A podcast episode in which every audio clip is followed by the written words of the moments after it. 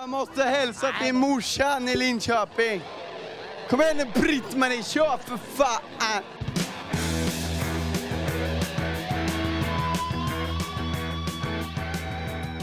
Ja, vad var vi? Gethuvudet. Gethuvudet, just det. Ja.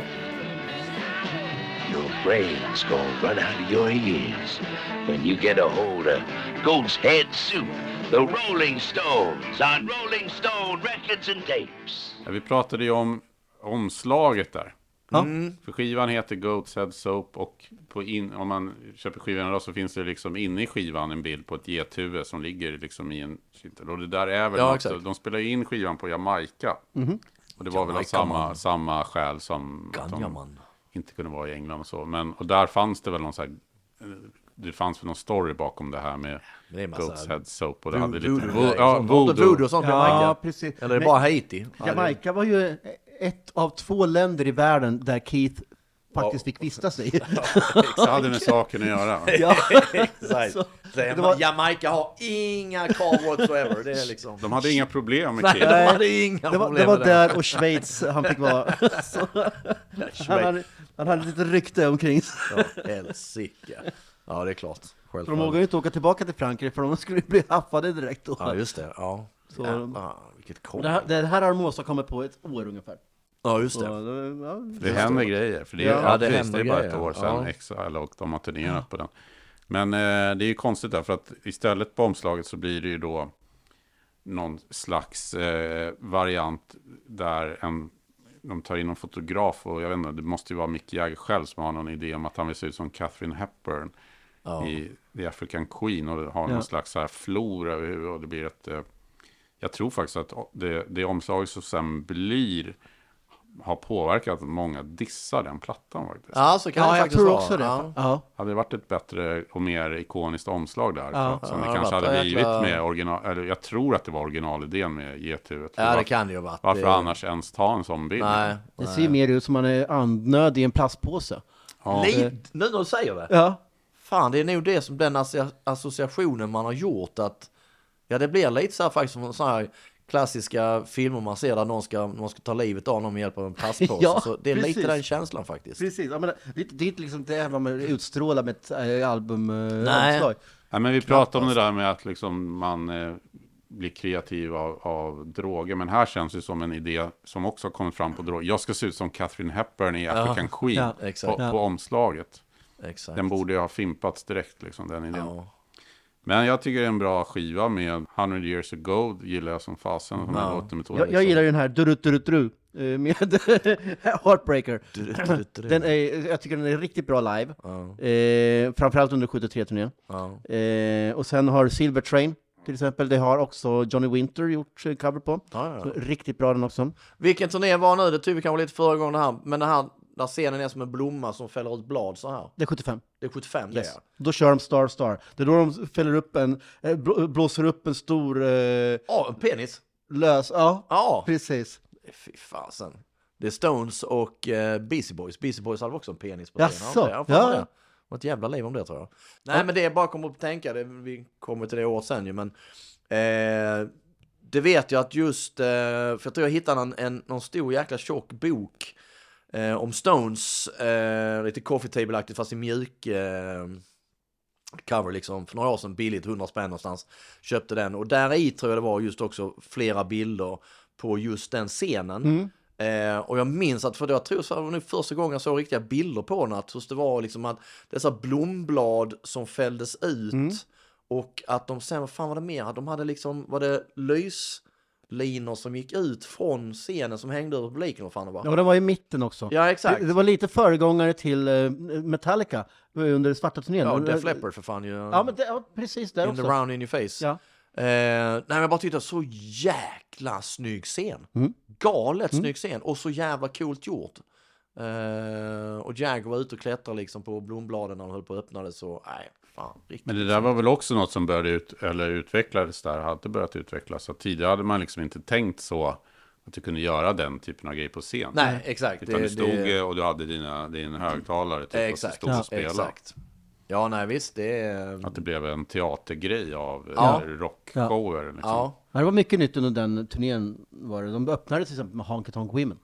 Ja, just Så, det. eh, heller inte en pungspark direkt. exakt. liksom. Nej, faktiskt inte. Visst, kan de, visst är den bra att ha mitt i setet, Ja. men inte som öppningslåt. Nej, nej. Så, Nej, det är ganska slött. Ja, Ja, den är otroligt sävlig på, eh, som att ha, som sätta igång en rockshow. ja verkligen. Så, Verkligen. eh,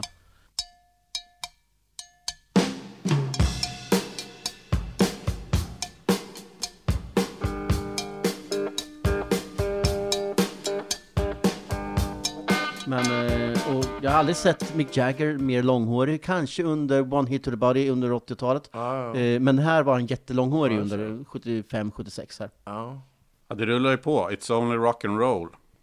Ja. Ja, sista med eh, Mick Taylor. I'd know that tongue anywhere.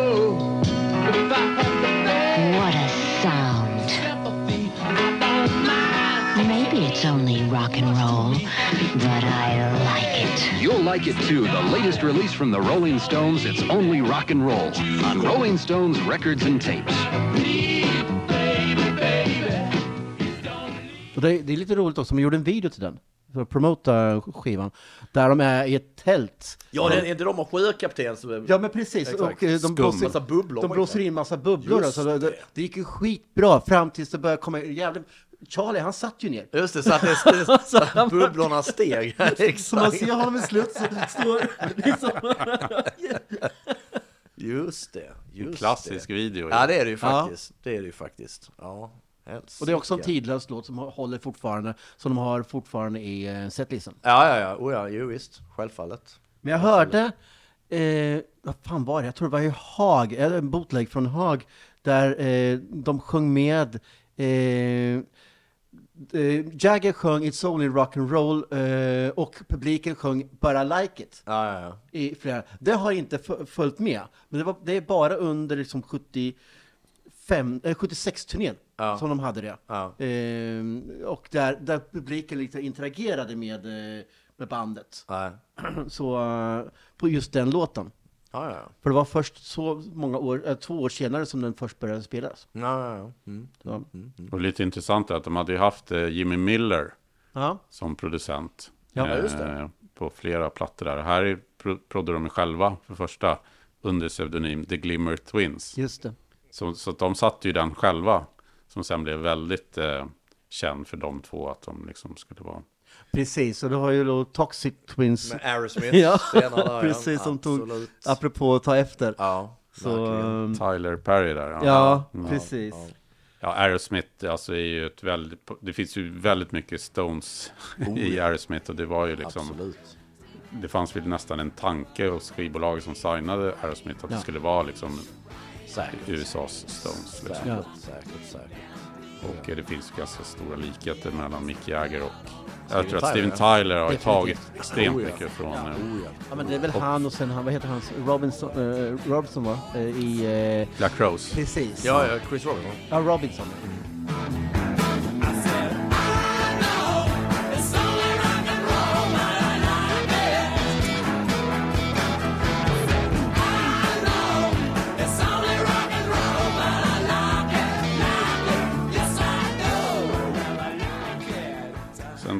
ju då nästan två år till eh, Black and Blue 1976. Precis, men då hinner de med en turné innan då. Ja, det är den 75 januari. Ja. Precis, Ja. som är stor som fan också, där de kör mycket, eh, kör de inte mycket Black and Blue? Um, Ingen aning. Men det är ju klart det är ju också med just det, så att det där jag läser om att de blir på 70-talet, de blir också ett amerikanskt band. Det är klart att det, Ja. det är en gigantisk jävla marknad. Allting är större. Eh, det är liksom eh, grunden för rock'n'roll i det landet. Och det här också, liksom, men då kan de göra de här stora liksom arenaspelningar som finns ju inte i Europa på samma sätt. Och, eh, även om det kanske fanns liksom, finns väl hyfsade arenor i, i, i England som så, så tror jag också att det, det måste locka som fasen att slå i USA och turnera i USA. Att det, det är en helt annan grej. Alltså England hade ju fotbollsarenor så, men de, Ja, det känns som exakt. att de hade inte alls kommit igång Nej. med den grejen. Nej, Medan i USA där, samtidigt har det typ så Elton John och Ja, sådana ja, som börjar komma igång där. för fan. eh, Just med arenaproduktioner. Liksom. Ja, ja, ja, ja. Och Zeppelin hade ju gjort det redan. Och, Ja. Gud ja. Det finns den här klassiska bilden på Elton John som är tagen liksom på honom Ja. ut när han spelar på Dodger Stadium Ja. om det är 74 eller 75 eller någonting sånt. Det är Ja. bara liksom, det, vad är det, 70-80 tusen i publiken bara jävlar. Lite som de här bilderna från Oakland på Ja. både, vad heter de, eh, Van Halen och Ja, ja, ja. Stones Oh, ja. eh, som är Exakt. just eh, från scen. Exakt, Det- exakt. Nej, och, är och Mick Jagger med sitt eh, energiska eh, framträdande på scen Mm. funkar ju för en arena. Ja, och jag tror han är... Jag tror det är också lite att... Att, att, att Jagger är... ehm, Eh, ju, just de här frontmännen, de som är mer... Eh, vad ska man säga? Men där det blir mer av något form av skådespel, alltså där, är ju många gånger de här amerikanska. Eh, David Lee Roth är urtypen för en sån också som är liksom född att vara på scen och en naturlig frontman. Och jag menar sån Joe Perry en sån också och, och eh, Kiss var såna och, och, och sådär. Liksom som kanske där man kanske ändå kan se lite mer att brittiska band, europeiska band är kanske lite mer jag vet inte, inte, inte tillbakadragna, men jag tror det kommer sig av det där Alltså amerikanerna, det ligger lite i det här också, samma sak när man, när man intervjuar folk, att amerikanerna är jävligt bra på att sälja in sig själva. Eh, och kan prata som fan och sånt. Jag tror liksom, det är någonting i deras natur också här med själva underhållande grejen. Att det ska vara, det ska vara larger than life och, och sådär. Och Mick Jagger packar, passar in precis i det där liksom. Det är, man ser bara de brittiska eh, artisterna, som har, eller banden som har kommit fram. Ja. Sabbath till exempel, Jo, hårdrocken, Oasis. Ja. Det, det är inte några stora starka frontmän som är, Ozzy kanske, men han är ju inte alls i den... Nej, inte på så- det, inte på det liksom teatraliska sätt Nej. som, som där det blev någon form av, av skådespel, om man ska säga. Jag menar, fan, Ozzy har ju alla tider bara gått fram och tillbaka. Ja, ja. Oh yeah, come on now, crazy. Ingenting. Han, han hoppade lite Ja, 78 exakt. där Ja. eh, och... eh, Och liksom, tittar man på brittiska, så vad fan, Biff Byford har aldrig varit någon jävla... Nej, men det, det, det stämmer nog det du säger. Alltså, det, Mick Jagger är nog eh, en av få britter som faktiskt kvalificerar sig till att Ja, men där du bli... verkligen på något vis, inte att han gjorde galna grejer, men när du på något vis bara släpper att det här blir min, det här blir min arena, min, min, min liksom. Här är jag. Exakt, exakt. Här är jag. Han och lite, Freddie Mercury. Exakt, lite där liksom, eh, ja. Lite här om man får säga, vad, vad säger man, vad säger man på engelska, flamboyant. Liksom Ja, här, eh, precis. kanske lite som spelar in, jag ska man inte säga men Mick Jagger är ju också en sån som ganska tidigt får man säga bejakar, om man då får säga den, den feminina, Ja, det androgyna. eh, Ja. den androgyna sidan liksom och, och spelar mycket på det och det tror jag också gör jävligt liksom mycket ehm, Ja, att det blir ja. spännande på något sätt. Jag trodde ju länge att Stones var från USA. Ja, ja. ja men så Alltså när man var absolut. liten. Så, och så, det tog nog rätt många år Ja. innan jag fattade, jaha, de var liksom från London. Ja, ja. Just för att de blev ju väldigt amerikaniserade. Och jag tror jag hade sett någon så här äh, logga med tungan som där de hade, där det liksom var amerikanska flaggan i, i så här som de hade Mm. Just ofta. just det. På, på de skivor och turnéer och sånt Ja. där. Så att det, det hade kanske med det att göra. I'm black and blue from the Rolling Stones, and I love it. The new Rolling Stones album on Rolling Stones records and tapes. Men Black and Blue, där tycker jag väl kanske att det börjar svaja lite kvalitet. Kanske lite redan på It's, It's Only Rock and Roll, även om den har den eh, titelspåret där som är en lite uttjatad klassiker. Där, så Ja, det, det är några lugna låtar på It's Only Rock'n'Roll som jag tycker är väldigt bra och... Eh, ehm, Ain't Too Proud To Beg är bra andra eh, spåret. Och ja, annars känns den väl lite som att det börjar gå ner i, i eh, kvaliteten. ja, definitivt. Vi, går in mot Black and Blue eh, som är... Eh, den har ju fått sin, sin eh, otacksamma roll som uppföljare efter Mick Taylor-eran. Mm. Och det är ju, de höll ju på att testa gitarrister ju, under inspelningen. Mm. Så det, det känns väl inte som att de kände att det var något avgörande platta själva heller Nej. för dem. Utan det var lite, det fanns en lite, vad ska man säga, eh, ja, avslappnad inställning till hela inspelningen där. Ja, och under tiden så åkte de ju faktiskt på en stor jävla turné Ja. i 75 här. Och de, de ansökte faktiskt om att eh, få spela i Sovjet.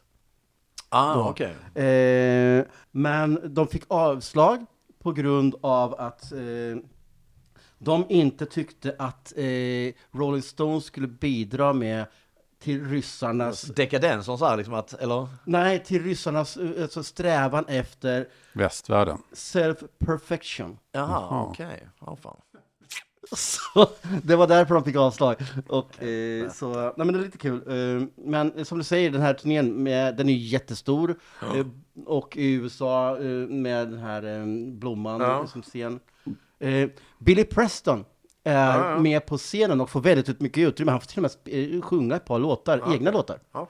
Eh, Mick Jagger var sådär inte eh, så eh, nöjd med det för att han, ville, han tog ju bort liksom, lite eh, eh, uppmärksamhet från honom själv. Men han var med och man, man hör honom rätt.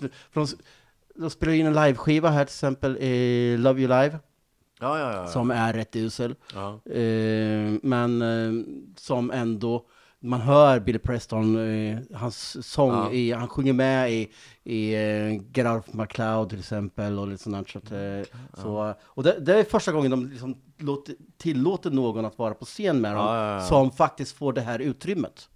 Det är inte lätt Så, med det där. Fan. nej, stora, shit, alltså. stora egos. Och det är den här, den här i Starfucker, så blåses den här Just det, jättekuken upp. just det. Så, och de vart ju hotade, så blåser upp den där jäveln igen, så, så kastar vi hela, hela högen i fängelse. Och de kör ju vidare då.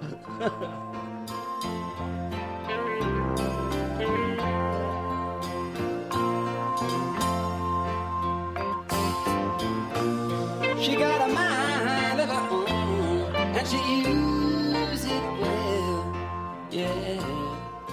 Och det, det, och liksom, det var ju katastrof här under eh, eh, turnén också. Eh, Ron Wood som var ny, eh, som ersatte Mick Taylor. Och Mick, eh, Keith kom ju väldigt bra överens och Just det. knarkade ju på duktigt. Just det, finns en episod i livet, den här boken som Keith Richards Ja, skrev. Där de har, åker i en bil i USA någonstans och den här bli, bilen blir konfiskerad. Eh, och det, det är bara det att de hittar inte att dörrarna är fulla med kokain. Jaha, ja eller, eh, kokain eller heroin, jag vet inte Ja, vad det var. Men eh, de är fulla med knark i alla fall. Den biten hittar inte snutarna Aha. som tar bilen för dem. Av någon anledning, jag, jag, minns inte riktigt vad det var. Så, eh, men det var eh, likadant som på 72-turnén så var det cirkus när Stones kom till stan. Ja. Jo, men det, ja fan. En, en, eh, måste varit en galet intressant tid. Ja, verkligen. Ehm, ja, nej. Men det är ju det, de blir etta i England eh, på albumlistan, tvåa i USA med Black and Blue då.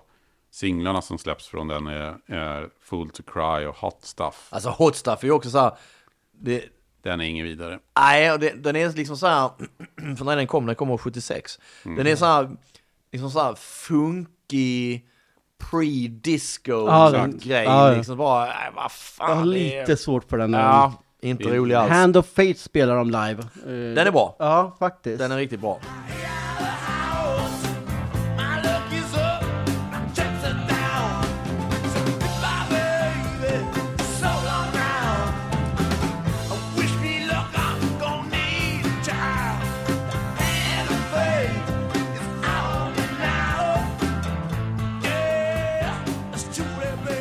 Eh, men det här som vi pratade om tidigare, det här var ju reklamen med den här eh, eh, bruden som var bunden Ja, och just det. eh, Just blåsdagen. det. som Just om. Just det. Lite rolig promotion för eh, USA-turnén Ja. eh, som de gjorde 75. Det var att de gjorde det på ett eh, lastbilsflak i New York.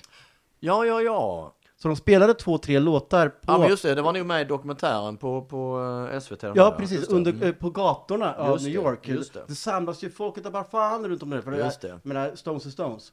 Så... eh, De ri- rippade off eh, ACDC där. ja, ja, det är helt klart. Eller gjorde ACDC det kanske... It's a long way to the top. Ja, det är kanske samma år. Kan det vara det? Var det 75? Nej, det känns som lite tidigare va? Nej, jag vet inte fan om det är det. Docken gjorde det sen också ju. Ja, dock är förebilder för allt. Så, de har ju också, men också på ett lastbilsflak. Under Lock and Key-plattan är det eh, It's Not Love, eller vad fan vilken låt är det? De också står och lirar på ett lastbilsflak och kör genom LA. Är, är det docken som de kastar pil på i Metallica? Eh, Nej, det är Winger. Wing, just det, så var det. Kip Winger. Kip Winger. Men som sen han, eh, jag intervjuade honom eh, som gjorde Year and a Half. Eller det pratade vi också om just. Men att han sa det också att de, just det att det blev Winger där sa han, det var ju liksom att vad fan, de bytte ju ut. De hade ju olika, de satte upp varenda dag liksom och kastade pil på. Ja, Så just, ah, ja okej. just det blev det att det var Winger. Ah, liksom. Men ja, jag tror för mig det att jag läste det. Winger själv tog jävligt illa vid sig. Det är sant? Ja, jag för mig det att det var, ja, tyckte inte det var kul. Nej, men om det väl liksom var inspiration och kreativitet typ på Exile och det så är det, det är det inte på, på Black and Blue faktiskt. Den, Nej. den har ju kallats för så här, den första sleaze-plattan för att den är lite så här. Men Fan, jag de har en jävla reggae-låt med ju, den här jävla... Chub, Cherry och eh, Baby, ja. exakt. Eh, Memory Motel tycker jag är en bra låt Mm. som är. eh, kan ju inte med reggae. Det är en av få musikstilar jag känner så här liksom att, ah, jag vet inte. Det är det och dansband liksom, det funkar inte. Men det, de får bara ihop åtta låtar liksom. Och då är det den här Melody Inspiration by Billy Preston till exempel. Så att, eh, nej men Black and Blue är väl, eh, det visar väl att här eh, har det börjat gå ut för ordentligt faktiskt. Sen kommer ju en uppryckning tycker jag med Some Girls Definitivt. 1978.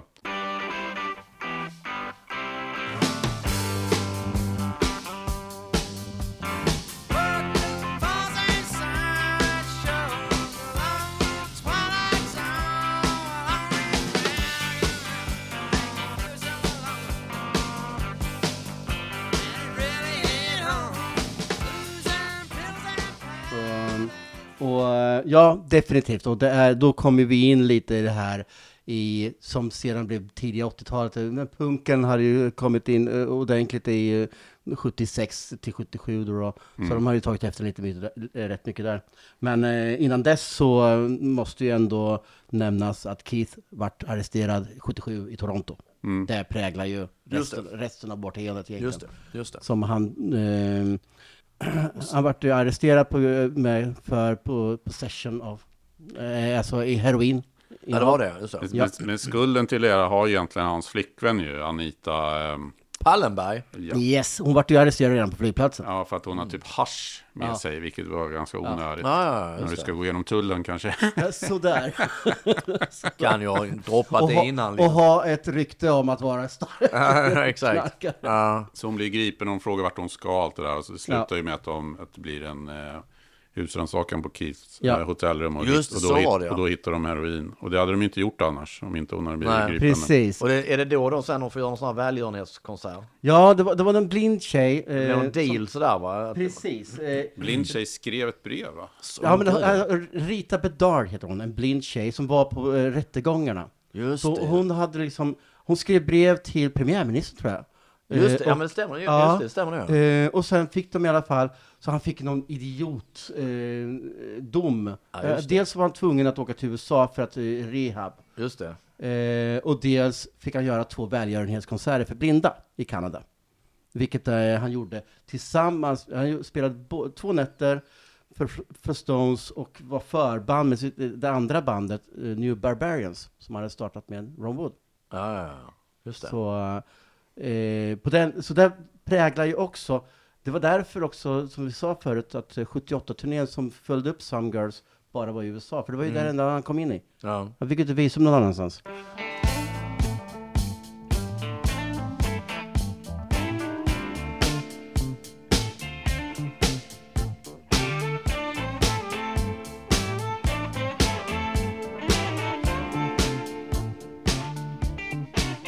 Och de plockar ju upp sig på discovågen rätt rejält med Miss You. Yes!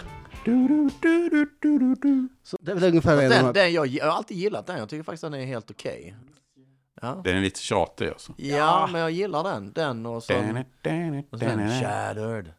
Eh, Ja, men- skulle ju vara deras punklåt lite. ja. Ja, men äh, Miss You har alltid för mig varit liksom så här en, äh, alltså en pisspaus Ja, ja. äh, låt. Men sen hade det, och så är det den Beast of Burden ju. Ja, Ja, är det. ja, ja, ja, precis. Den gjorde Bette Midler också. Ja, och jag undrar om inte jag hörde Bette Midlers version före jag hörde... Eh, ja, I'll det, never be your beast precis. Den var ju jättekänd. Ja. Så, men äh, apropå äh, låttexter här. Absolut. Some Girls. Så har vi... Black girls just wanna get fucked all night. I. I just don't have that much jam. Det Some är Some Girls, Girls. titelspåret. Ja, alltså... Då går igenom olika typer av brudar. Ja, Eh, exakt. Han pratar om amerikanska brudar. Ja. Amerikanska brudar ringer alltid va? Han- han- Eller vill bara prata, han orkar inte med det. Och, och det var väl franska kvinnor också och, Ja. och sådär. Eh, ja, det är klart. Det, du skulle kanske inte komma undan med att skriva en sån text idag. Ehm, Och eh, jag menar, den är, men själva låten är bra. absolut. Ehm, Tycker jag. Men, men det är lite samma, jag tänker tillbaka till Exile med omslaget. Där du har den här eh, eh, svarta mannen som har, vad fan han nu har i munnen. Så som golfbollar. Ja, eller biljardbollar. Eller biljardbollar. som är man liksom, man ser den ganska tydligt sådär. Det är också samma, man undrar liksom att, ah, undrar om du kunde sätta det på ett skivomslag idag, det skulle nog fan bli ett jäkla liv. Ehm, Och Just den bilden hade de i t-shirts också. ja, Ja, Men bara den Precis. bilden. Ja. Men jag gillar Eh. den, eh, det omslaget och även Some Girls. Man hittar alltid någonting nytt. jo exakt, absolut. det är mycket som händer. Vilket är ju en bra grej med ett omslag, för att Ja. det blir liksom att du Och där just återupptäcker och så. Some Girls var ju också där man utnyttjade vinylformatet. Att Mm. du kan dra ut innerpåsen och så eh, blir det ju bilder på dem. Ja, ja exakt. Precis. Ja. De första upplagorna är det ju hål i omslaget. ja, just det. Ja, ja, ja. Just det. Just, just det, just det, just det. Det var, ja, Nej. för fasen det är det ju. Och en riktigt, riktigt bra Keith-låt. Before they make me run. Ja, ja, ja. Ja. ja. Den Ja. är grym. Ja, men jag, jag vet inte, man, jag fascineras ständigt över, över ehm, just den cancel culture som finns idag liksom. Att Mhm.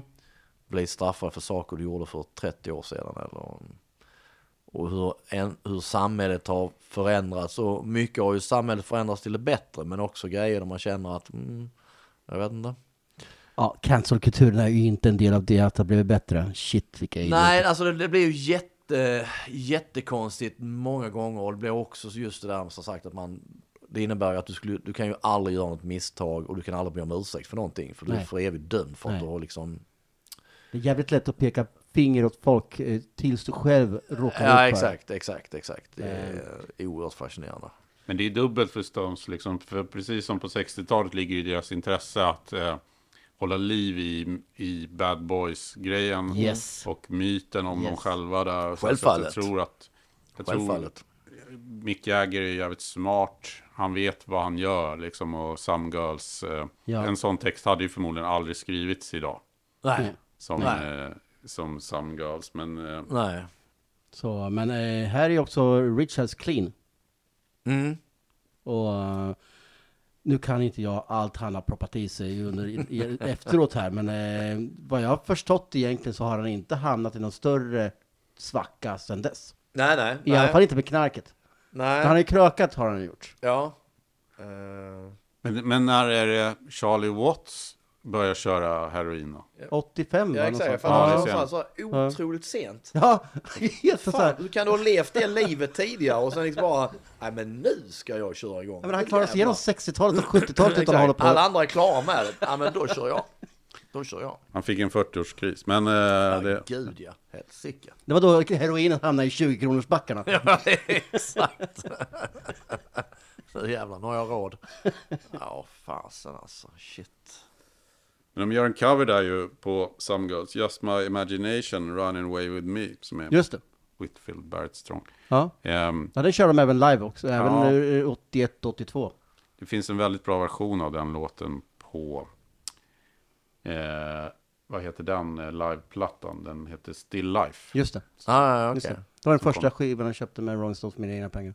Oj, 52 Eh. spänn, Mandins i eh, Hagby centrum i Norrköping. vilken var, för, vilken, vilken var första Stones-skivan du köpte med andras pengar då? I och med att det var med dina egna Äh, pengar. nej, det var nog... ehm, Eh, den fick jag i julklapp, det var Undercover. Ja, just det. Det var den första, liksom, när jag började gilla Stones så hade uh, Tattoo You släppts. Ja, just det. 81. Så den kom ju 83 då, det var Ja, julafton där, eh, så fick jag den. Så Just det. Är det undercover du jagar hela tiden? den har jag 25 ex av. eh, så jag har Helvete. den... eh, Dags att lägga sig på soffan nu tillsammans nu, jag ska börja fokusera nu på Asien och eh, Sydamerika. Ja, course. Så, men det är jävla frakten, Mm. man blir galen. Jo, men det låter logiskt. Så här, vilket jävla samtal. Jag skulle bara, så här, jag skulle bara fokusera på Asien, Sydamerika, jag vet inte, kanske Mellanöstern. Jag är inte riktigt säker hur jag ska... eh, Mm. Och då finns det säkert de som inte fattar vad vi ens pratar om. Och det, då handlar det alltså om Exakt. pressningar på Rolling Stones-plattan. Spelar du olika pressningar hemma? Ja, Jag spelade den 2018-pressningen nu, eh, som släpptes, half speed, eh, och sen... eh, Ja men det kan jag förstå i så fall, men du, du går, går inte hem och säger idag ska jag köra turkiska. Nej. Nej. Fan vad skönt, idag ska jag köra Nya Zeeland-pressen. jag jag, nu känner jag ni Jugoslavien. längtar till Nya Zeelandspressen idag. Oh, jag kan inte, kan inte vänta tills jag kommer hem. Men det, ja. det där är ju nästa Stones, eh, om vi ska snacka undercover. Nu är det ju 70-talet. här. Just det. Ska vi försöka summera den här podden som nu är över två timmar lång? Helvete! Eh, så är det ju att det är ändå, om man ser rent musikaliskt så är det ganska fantastiskt. Alltså vad bra musik Stones gör under 70-talet. Ja. Ja, fast är det inte ändå är lite så att det är liksom första halvan av 70-talet som egentligen då är det kanske den intressanta och sen när det börjar komma som lite detta lite pre-disco, uh, Ja. reggae-skiten och här liksom att, jag menar det är ju inte så jävla intressant. Jag ser nu det halvan släpper de bara två skivor. Det är ju Black and Blue och eh, Some exakt. Girls. Så att, eh, Jag håller med. Alltså den sämsta skivan tycker jag är ganska lätt att utse. Det är ju Black and Blue. Ja, 70-talet. jag håller med dig. Och jag skulle nog ändå säga att Exile är den bästa enligt mig. För att det är ändå, det är ju en dubbel. Så att det är ju Jo. många fler låtar. Tätt följd av Sticky Fingers. Ja. Sticky Fingers är ju, den, den känns väldigt ihophållen och liksom, Mm. Eh, den är ju ikonisk på så många sätt liksom. Ja. Eh, så att, eh, men jag gillar ändå Geten också och sen tycker jag att de rycker upp sig med Some Girls. Även om jag inte är så förtjust i Miss You som är den stora hitten på- Mm. på, på den. Så tycker jag det finns många andra. I've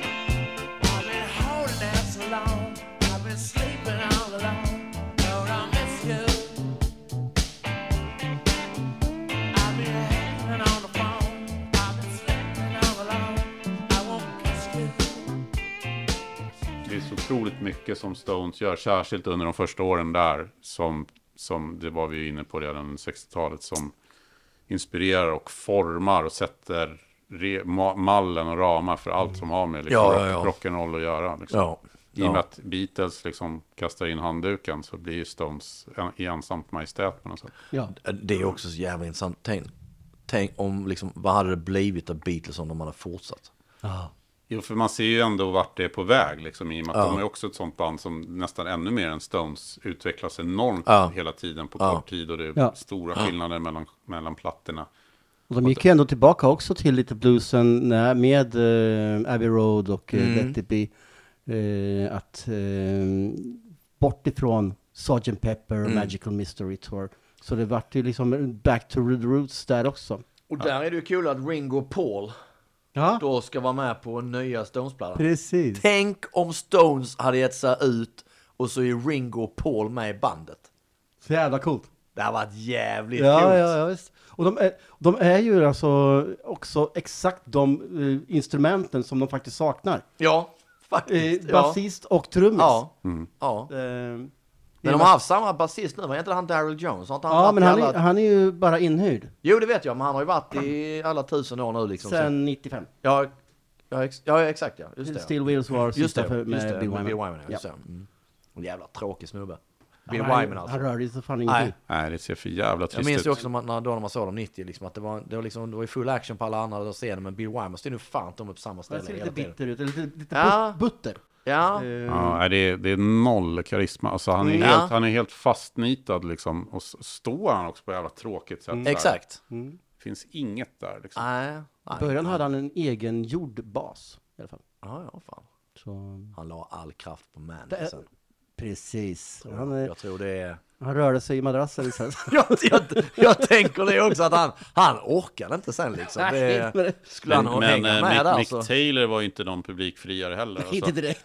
Var- Nej. Jag förstår varför de två kom överens. Så, men, men eh, Bill Wyman, han la ju all energi i bingen. Men där, där är också tydligt vad man kan se där med karisma. Liksom, att, eh, att Brian Jones var ju inte kanske heller, och det var inte Keith heller i början, men det var ändå, Nej. fanns ju ändå något lyst eh, på dem. Liksom. Ja, som sagt, men det, här, det elektriska och det är liksom, det är någon, det är någon sån här naturlig Ja. stjärnglans. Ja. Eh, Freddie Mercury Eh, som vi nämnde också, ja. är ju också samma person. Fullkomligt, fullkomligt. Och, och jag skulle nog säga faktiskt att Ace Frehley ha, hade den också lite Ja. det här som skilde honom Jo, Ja, från han Paul och Gene. Att det är lite stapplar där, fram där och... Ja, men det är lite Otroligt minimalistiskt. Exakt, det är Ja, tillbakalutat och Ja. Slash har ju det också lite att så här, du, ska inte, du ska inte ta ut svängarna. Nej, liksom, men ser det- cool ut så Ja, ser in cool i helsike.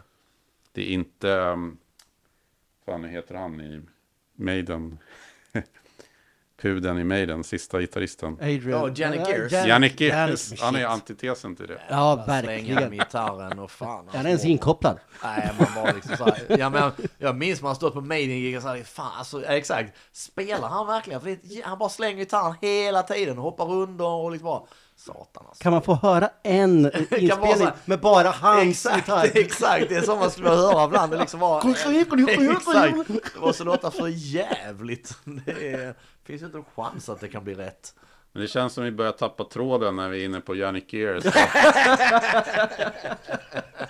jag tror vi måste sluta här helt enkelt. Det, det, det är Men, men jag, jag är ändå imponerad att vi lyckades liksom ta oss igenom det här 70-talet ändå Ja. under någorlunda strukturerade former. Alltså. Och utan knark. Utan knark, ja, Ja, ja. för fan. Men jag måste ändå tillägga, slutet går precis som på 60-talet. 70-talet slutar också med tragedi. Där eh, en 17-åring spelar rysk roulette hemma hos Anita Palmer med Keith eh, vapen och skjuter sig själv i skallen. Åh fan, det har jag helt missat. Det, det, var, det avslutade 70-talet för Rolling Stones. Shit. Min farsa gjorde det en gång. Spela rysk roulette. Ja. Jaså? Shit. Hur vågar man? Nej, jag vet inte. Han var, han var också, han var inte gammal. Det, men hans, eh, min farfar var ju eh, pilot, stridspilot och så, här, så att han hade någon form av tjänstevapen hemma och så hittade Ja, han ja. det och så hade han polare. Ja. Ja, Men eh, ska vi säga tack och hej Fredrik? Känner du att du har fått säga... Du, du är ändå den största Stones-konnässören här. Ja jag tycker vi har sammanfattat här väldigt. Jag känner ändå att vi gick från ett jävligt roligt avslut med Janet Gears till att Ja. det blev liksom, det blev bara död. liksom det, Det är ingen bra, det är ingen bra cliffhanger. avslutades i totalt mörker. Vi kanske ska dissa det där.